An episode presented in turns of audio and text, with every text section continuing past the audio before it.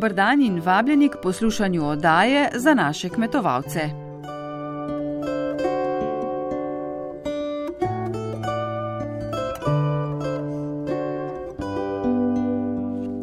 Tokrat v spredje postavljamo položaj kmečkih žensk, med katerimi je veliko sposobnih in uspešnih posameznic. Ob svetovnem dnevu kmečkih žensk, ki se obeležuje 15. oktober, Zveza kmetic Slovenije že več let, ob tej priložnosti v izboru podeli naziv Kmetica leta. Letos je ta laskavi naziv dobila Marjeta Ročnik s Preval na Koroškem. Predstavili jo bomo v začetku oddaje. Na to se bomo o vprašanjih socialnih in drugih pravic pogovarjali z Vlasto Nusdorfer, predsednico sveta za ženske ženske na podeželju in profesorico dr. Majdo Černič Istenič, sociologinjo zaposleno na biotehnički fakulteti. Svet za ženske na podeželju kot posvetovalno telo ministrice za kmetijstvo daje predloge za izboljšanje ter strokovna mnenja k ukrepom kmetijske in drugih politik, ki vplivajo na kmečke ženske. V Sloveniji delež žensk, ki so kot nosilke družinski član udeležene pri delu na kmetijskih gospodarstvih, znaša 46 odstotkov, kar je više od povprečja Evropske unije, kjer je delež 42 odstotkov. Pri nas je že tudi 9 odstotkov žensk lastnic kmetijskega gospodarstva. Ob vedno večjem udoru procesirane hrane na trgovske police in na to v želodce potrošnikov, pa je tudi s pomočjo evropskih projektov in zaradi ustrajnosti kmetovalcev tu še vedno pridelava ptujskega ljuka z zaščiteno geografsko označbo. Na tradicionalen način se prideluje že več kot 200 let. Več o tem pa ob koncu odaje. Dni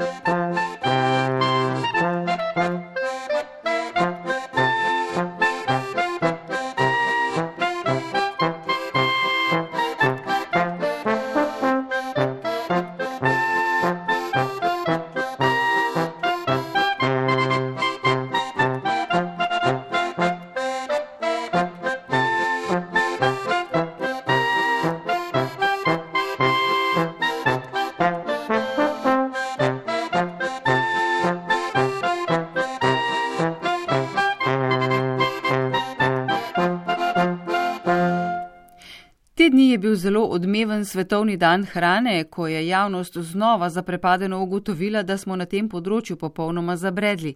Problem sodobnega sveta je debelost in naraščajoča lakota. Tako je lačen vsak sedmi prebivalec tega sveta, vsak osmi pa predebel, ob tem, da se zavrže na stotine ton hrane. Kritično je pri nas v zadnjih 45 letih padla tudi stopnja samooskrbe, zlasti zaskrbljujoča je nizka pridelava zelenjave in sadja. Na področju govedoreje pa smo več kot 100 odstotno oskrbni. Problem, na katerega opozarjajo okoljsko ozaveščeni, pa je, da je na ravninskem delu preveč razširjena živinoreja in s tem krmne rastline, kot je koruza. V ravninski del bi morali preseliti gojenje vrtnin in polščin za prehrano ljudi, kar bi zmanjšalo tudi oglični odtis. Če želi kmetijsko ministrstvo resnično podpirati trajnostno kmetovanje, potem mora korenito spremeniti sedanjo kmetijsko politiko. Potem mora v prihodnem finančnem obdobju odločneje tudi z vlaganjem v prenos znanja in s finančno podprtimi ukrepi spodbuditi ekološko, ohranitveno, regenerativno in druge trajnostne sodobne tehnologije kmetijstva. Seveda pa je jasno, da morajo možnost odločanja o spremembah dobiti predvsem mladi, ki želijo varovati naravne vire ter pridelovati zdravo in kakovostno lokalno hrano. Prav na svetovni dan hrane pa se je v medijih razplemtela afera z mletim mesom. Prepričljivih odgovorov o tem, zakaj javnost o nedovoljenih sulfitih v masi za čevapčiče ni izvedela takoj poleti, ko so jih inšpekcijske službe našle, ampak šele oktobra ni. Ministrica za kmetijstvo Aleksandra Pivec je zato minulo sredo odredila notranji nadzor, ta bo pokazal, ali bo moral kdo prevzeti odgovornost.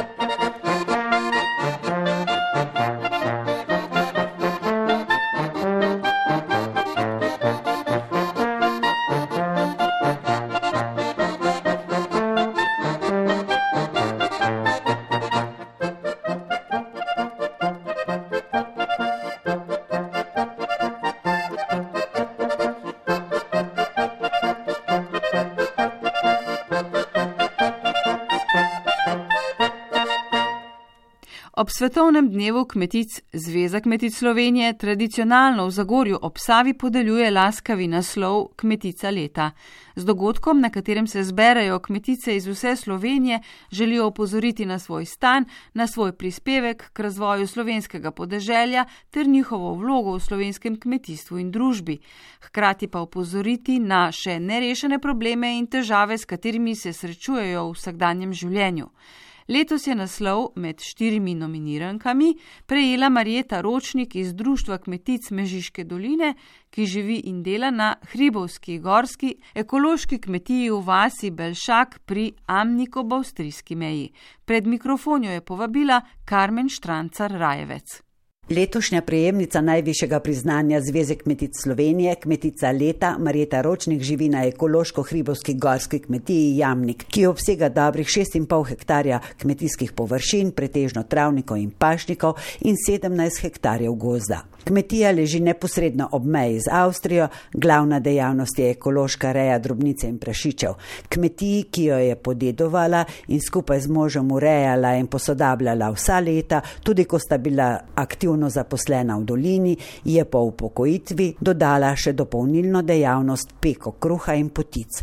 Marjeta, odločna in polna energije, ima za kvašeno testo res zlate roke. O tem pričajo številna priznanja iz državnih ocenjevanj dobrote slovenskih kmetij, kar 36 jih ima za svoje kruhe in potico, med njimi tudi devet znakov kakovosti. Veselja ob podelitvi naziva kmetica leta 2019 pa Marjeta Ročnik ne skriva. Jaz sem res vesela za ta uh, naziv, da so me sploh uh, predlagale, pa da so tudi uh, v društvu spoznale, da sem si pač uh, nekaj mogoče pa le zaslužila z tem mojim delom, ki ga delim med, eh, med ljudi. Koliko let pravzaprav že delate, živite na kmetiji?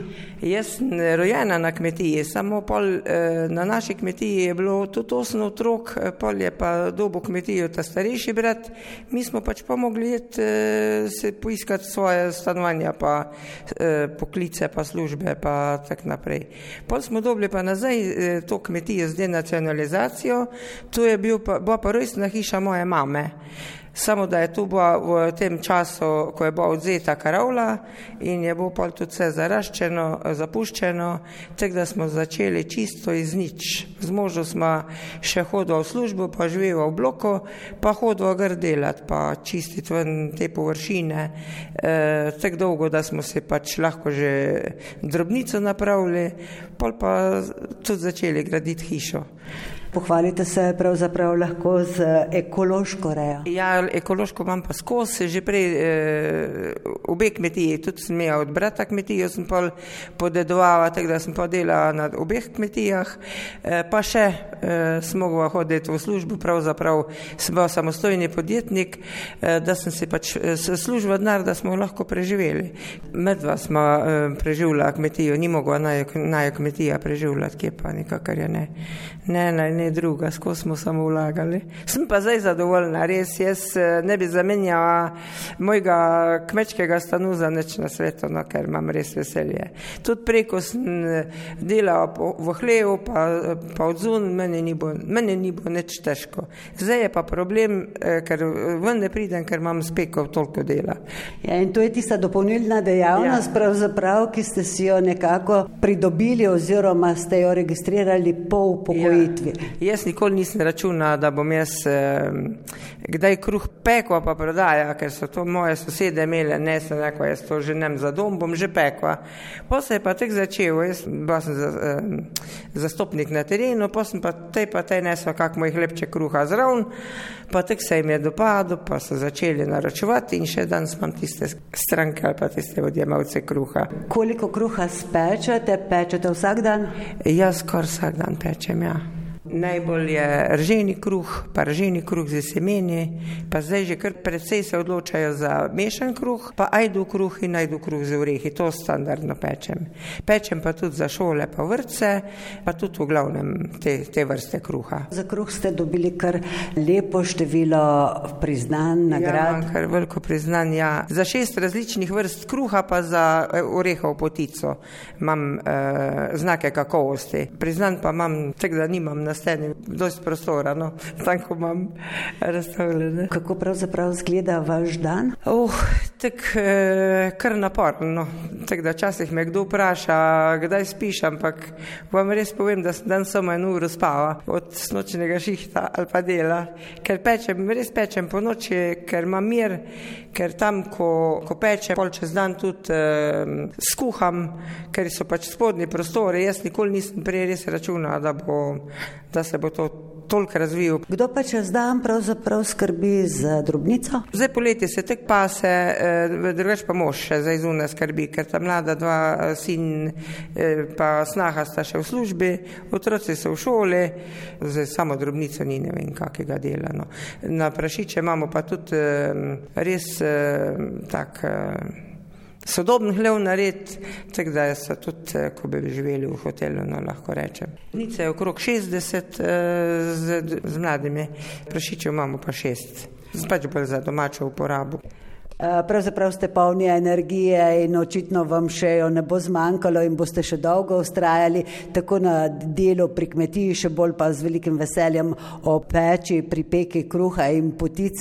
Pravzaprav zmorete vse to tudi zato, ker eh, živite praktično eh, več generacij skupaj. Ja, to sigurno, če ne bi skupaj živeli, pa, pa bili složni, pol tudi ne moreš kaj narediti. Ne. Fajn je, da se pomagamo en drugemu. Jaz še vedno zdaj pomagam tudi z tem denarjem pri gradni eh, kmetije, da se nadgrajuje, ne, ker to smo le začeli iz nič in je res treba še veliko postoriti, da bo to tako, kakor bi, bi bo naj izgledal naj kmetija. No. No, zaenkrat ste tri generacije ne, na Ja. kmetiji. Ja. Računate, da bo nekdo morda od najmlajših le dobil recimo tako kmetijo, ki ga bo lahko preživela. Ja, jaz mislim, da le, eh, vnuk se kar, je kar ima veselja tudi do peke, mogoče bo tudi začel peči, ko bo tak, toliko star. Jaz kar na njega računam, da bo tudi veselje ima do strojev, do traktorjev. Sej tudi, če ga ne bo čisto preživel, ampak eh, z kako dopolnilno dejavnostjo pa sigurno se lahko preživi. Na takšne sposobne ženske, kot so prejemnice naziva Kmetica leta, smo lahko ponosni in tudi letošnji izbranki Marjeti Ročnik iskreno čestitamo in ji želimo še veliko uspehov.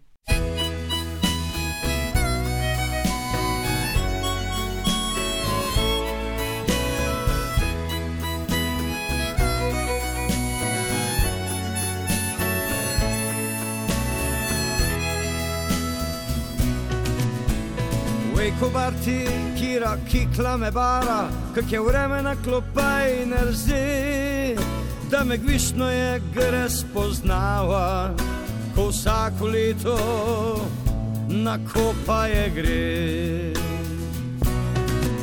Ti pravim pa klejem, da snoč tot, pa neč ne zastopi, si mislim je gluha, pa povini še kaj, je slike pokažem, pa atlas raztegnem, pa s prstu umažem, si umeju no še ti kuri, pa baba me gleda, kak jaz stojem, če nemške imam šuve.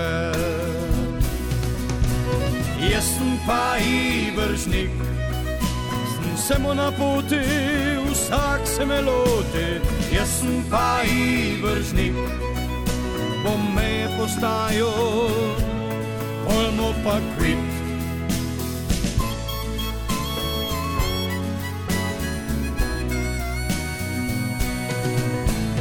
Pol pa jo baram, kaj kučitn v Ljubljani, rado bi videl, ko rostce osami, na uho je šrajam, da očmo regijo med, pa drečne zastopi, kao očju na muzet, pa tulim sodnike, fabrike, pa štrom, pa policijo, pa Eisenbon. Jaz sem pa ibržnik, sem sem na poti, vsak se me loti, jaz sem pa ivršnik, bom me postajal, pojmo pa kvit. Jaz sem pa ivršnik, on je ivršnik, sem na poti, vsak se me loti, jaz sem pa ivršnik, on je ivršnik, bom me postajal, pojmo pa kvit.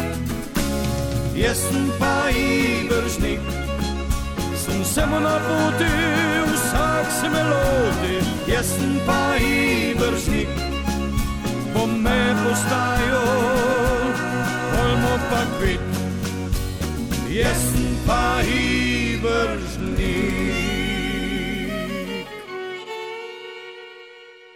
Samo okoli 20 odstotkov kmetij v Sloveniji je v lasti žensk. Lastnina do zemlje je močno povezana z besedo, ki jo imajo pri odločanju. Kmečke ženske običajno podpirajo tri ali kar štiri vogale hiše, pogosto pa imajo premalo znanja, da bi uveljavljale svoje pravice. Položaj posameznikov zlasti pa to velja v kmečkem okolju, namreč temelji na posedovanju lastnine poudarja predsednica sveta za ženske na podeželju, s katero sem se pogovarjala o položaju kmečkih žensk glede socialnih pravic.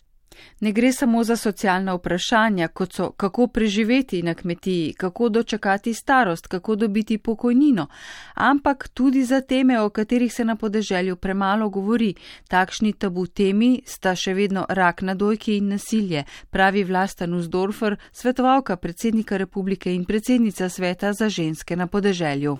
Ugotavljamo, da je še vedno nasilje na podeželju neka tema, o kateri se ne govori, da gre za vdanost žensk ker nimajo pač kam iti, tukaj ni nekih hiš varnih, da bi se vanje zatekle, ni niti možnosti. Potem je seveda vprašanje, kako o tem govoriti, ko pa vendar živiš s temi ljudmi. Potem je tu problem tudi prevzemnic kmetij, Ugotavljamo, da so predvsem moški tisti, ki prevzamejo kmetijo, ženske so bolj redke, zato sem bila zelo vesela tudi okrogle mize, na kateri je spregovorila predstavnica podeželske mladine.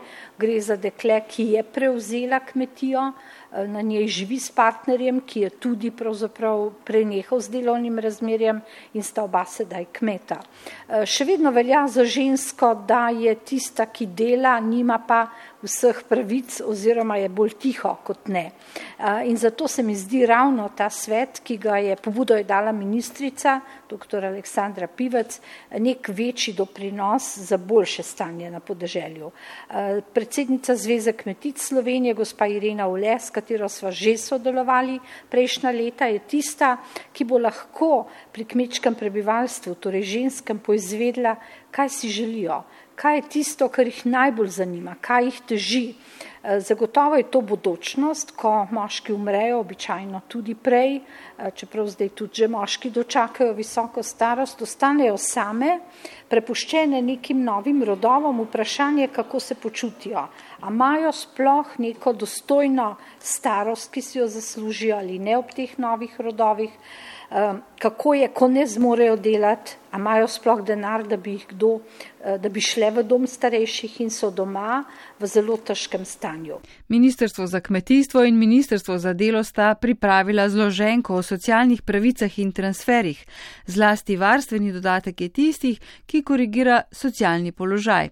Svet za ženske na podeželju je dal pobudo, da bi se informacije za ozaveščenost o socialnih pravicah še bolj približale kmečkim ženskam da bo Ministrstvo za delo, družino, socialne zadeve in enake možnosti še bolj aktivno na terenu in da bodo v obliki mobilnih enot prihajali v določene kraje, um, obvestili seveda ljudi, kdaj bodo tam in tam se bodo lahko uh, pozanimali, predvsem recimo ženske, ki bolj malo zahajajo v gostine, kot vemo.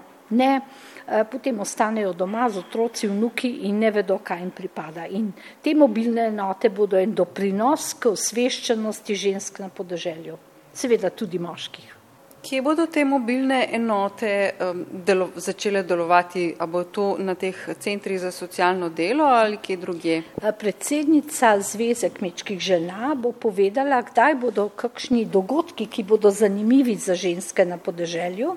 Ko se bodo torej sestajale in takrat naj bi v okviru nekega dogodka ministrstvo zagotovilo predstavnike tudi ministrstva in centra za socialno delo, ki bodo lahko nudili povsem konkretne informacije. Nekdo bo prišel s svojo zgodbo in vprašal, kaj, kdaj in kako mi pripada, živim v takem gospodinstvu, imam tak dohodek, rada bi izvedela, eh, kdaj bom lahko dobila določen transfer, kakšni so pogoji. In zdi se mi, da bo to neka odprta pot. Eh, mobilna enota je tist, ko pride v vaš kraj, tako kot potujoča knjižnica. Kmetje kot samozaposleni in tudi zaradi narave dela si težko privoščijo bolniško, kadar so bolni ali poškodovani. V tem primeru se za pomoč obračajo na družinske člane. Ti so v današnjem času zaposleni tudi sami in teže pomagajo kot v preteklosti, ko so bile kmečke družine velike. Opozarja profesorica dr. Majda Černič Istenič, sociologinja, ki dela na biotehnički fakulteti v Ljubljani in je tudi članica Sveta za ženske na podeželju. Meni, da je področje sociale na podeželju popolnoma zanemarjeno, namreč demografske spremembe so močno zaznamovale tudi podeželje. Poleg tega, da so manjše družine, so tudi družinske kmetije vse manj zastopane v okolju, če so bile prej številne, a ne, so zdaj posamične kmetije in si potem tudi teže med seboj pomagajo. Ne. Tako da uh, se je spremenil, uh, so se spremenile razmere, v katerih kmetije delajo, kot rečeno, manjše družine in manj podpore v okolici v, z drugimi kmeti, tako da kmetje danes bi rekla in kmetice bi nujno potrebovali neko uh, storitev Moje videnje je, eh, da kmetje potrebujejo ne samo finančna sredstva, seveda so zelo pomembna, ampak potrebujejo tudi storitve ne, na podeželju oziroma v, v, v, pri svojem delu. No in že pred leti se je pojavila ideja o socialno-delovni pomoči na kmetiji, ki pa danes še ne obstaja v Sloveniji, v drugih evropskih državah pa že obstajajo, pa tudi izven evropskih, naprimer na Norveški. Eh, je taka storitev že 45 let delujoča, ravno tako na finskem, sosedna Avstrija ima tako storitev, v Franciji, v Nemčiji, v Italiji imajo neke podobne oblike, kmetje se organizirajo ali pa tudi uh, javna uh, služba se oblikuje na ta način. In kako je to povezano z vprašanjem kmečkih žensk? Kadar pride do nesreče ali pa bolezni, je zanimivo, da so tudi ženske zelo dobrodošle, da skočijo k delu. Prej so te delitve dela med spoloma zelo izrazite, ampak ko pride do tega, je pa tudi žensko delo zelo pomembno. Je pa seveda vprašanje, če ga ženske lahko uh, ob vsem drugem delu, ki ga imajo, dosti dobro izvajajo in tudi seveda kakšnem stresu se pri tem uh, znajdejo. Uh, tako da ta storitev se meni zdi zelo pomembna, da bi jo v Sloveniji tudi imeli, pa ne samo zaradi primerov, kot so bolezni, ampak nesreče, ampak tudi zato, da bi šla lahko kmečka družina v celoti skupaj na dopust, da bi pa tudi seveda kmečke ženske lahko tudi dejansko izkoristile pravico materinskega in starševskega dopusta, ki ga večinoma ne morejo izkoristiti, ker enostavno nimajo nekoga, ki bi jih pri tem delu nadomestil. Storitve socialne delovne pomoči na kmetijah pri nas ne zaživijo, o tem se premalo govori, morda tudi zato, ker organizacije, ki zastopajo interese kmetov in kmetic, še niso prepoznale velikega pomena te dejavnosti v današnjem spremenjenem načinu življenja na kmetijah. Thank you.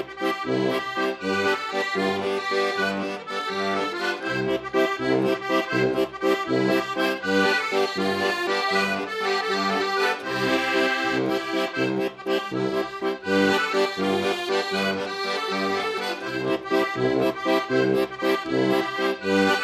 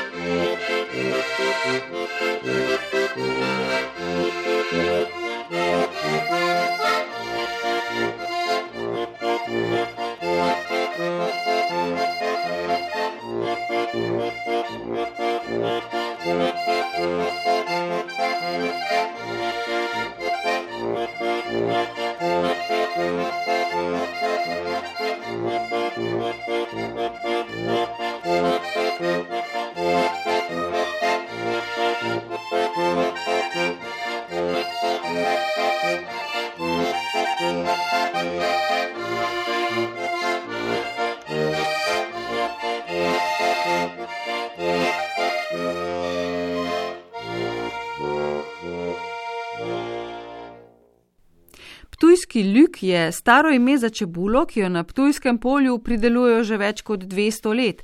Zaščiteno geografsko označbo pa je pridobil na podlagi posebnega videza in okusa. Ob koncu triletnega projekta promocije Ptujskega ljuka, za katerega so dobili evropska sredstva, so sredi tedna v Gorišnici predstavili pridelavo te posebne čebule. Nataša Kuhar. V Sloveniji letno pridelamo skoraj 6000 ton čebule, porabimo je okoli 20 tisoč ton, uvozimo pa skoraj 15 tisoč ton.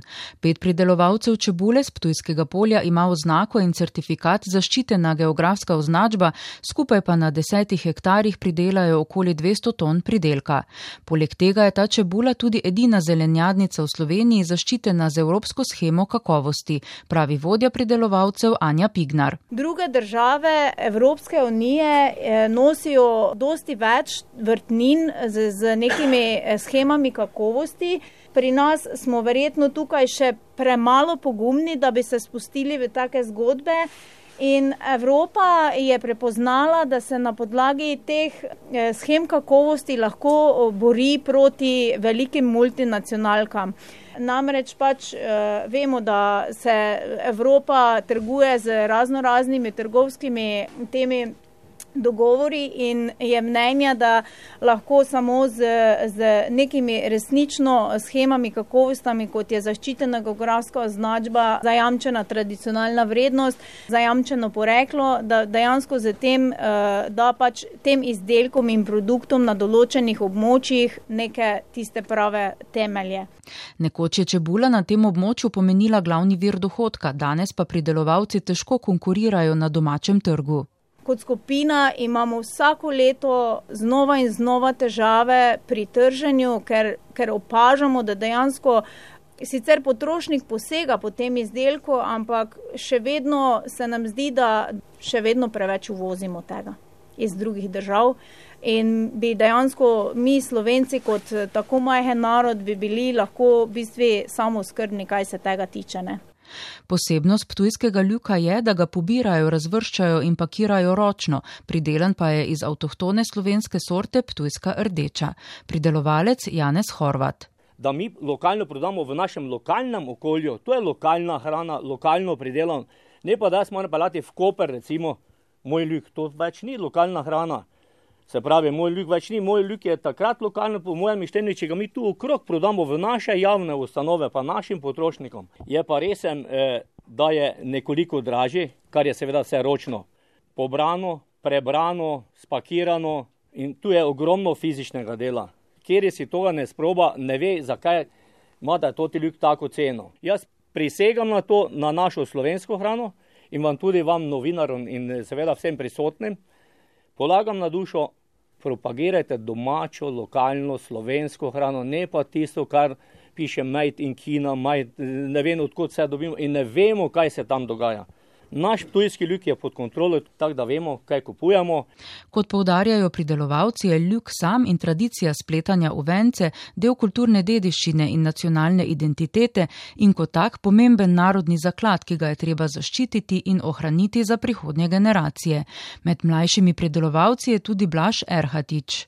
Zato, ker imamo majhno kmetijo, crka obdelujemo 25 hektarjev zemlje smo iskali nekakšno dodano vrednost na naši majhni kmetiji, da bi lahko se preživljali s tem in da morda ne bi trebalo kateremu iti v službo. Ne. Med drugim smo pred leti se delno preusmerili v ekološko pridelavo, kjer imamo trenutno uh, prirejo jajc. Seveda upamo pa tudi po sedajšnjih poizkus, kaj smo imeli poskuse z Mariborsko fakulteto, pa bi se uh, dalo pridelati uh, tujski ljub tudi na ekološki način. In tudi na naši kmetiji za vse je to neka dodana vrednost in kmetu omogoča, da lahko s tem lažje preživimo na majhnih kmetijah. Ne. Skupina Vrtovi Panonski, ki je skrbela za triletno promocijo, ocenjuje, da je bil projekt uspešen, saj so številnimi aktivnostmi uspeli okrepiti prepoznavnost ptujskega ljuka, pove Denis Topolnik. Projekt se končuje letos, je bil triletni in je, je bil v bistvu v osnovi namenjen za promocijo te scheme kakovosti, se pravi ptujski ljuk za zaščiteno geografsko označbo da smo mi povedali eh, potrošnikom v Sloveniji, da ta tujski lik obstaja in eh, zakaj je tako poseben, kot je. To je bilo bistvo tega projekta in ocenjujem, da se je zelo dobro zadeva v treh letih eh, na slovenskem trgu obnesla. Ta sorta čebule je prepoznavna po posebni srčasto ploščati obliki, ima rdeče rjavo do svetlo rdeče zunanje suhe liste, meso je belo z močnejšim vijoličastim robom. Sorta je odlična za uporabo v kulinariki ali pa, kot nam je povedala ena od ljukaric. Ljuk pa kruh pa je južna v kup.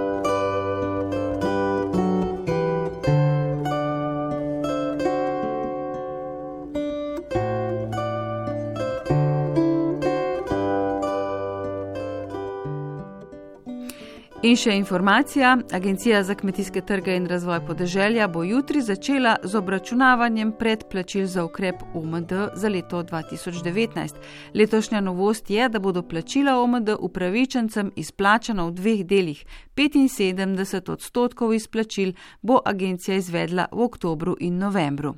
Spoštovani prijatelji kmetijstva, oddajo za naše kmetovalce smo pripravili novinarke Karmen Štranca Rajvec, Nataša Kuhar in Jrnej Kadrolec, ki sem jo tudi povezala, glasbeni urednik Matej Jevnišek in oblikovalec zvoka Robert Markoč. Naše oddaje lahko slišite znova v arhivu oddaj na spletni strani radio1.rtvslo.si. Lep dan želim in srečno!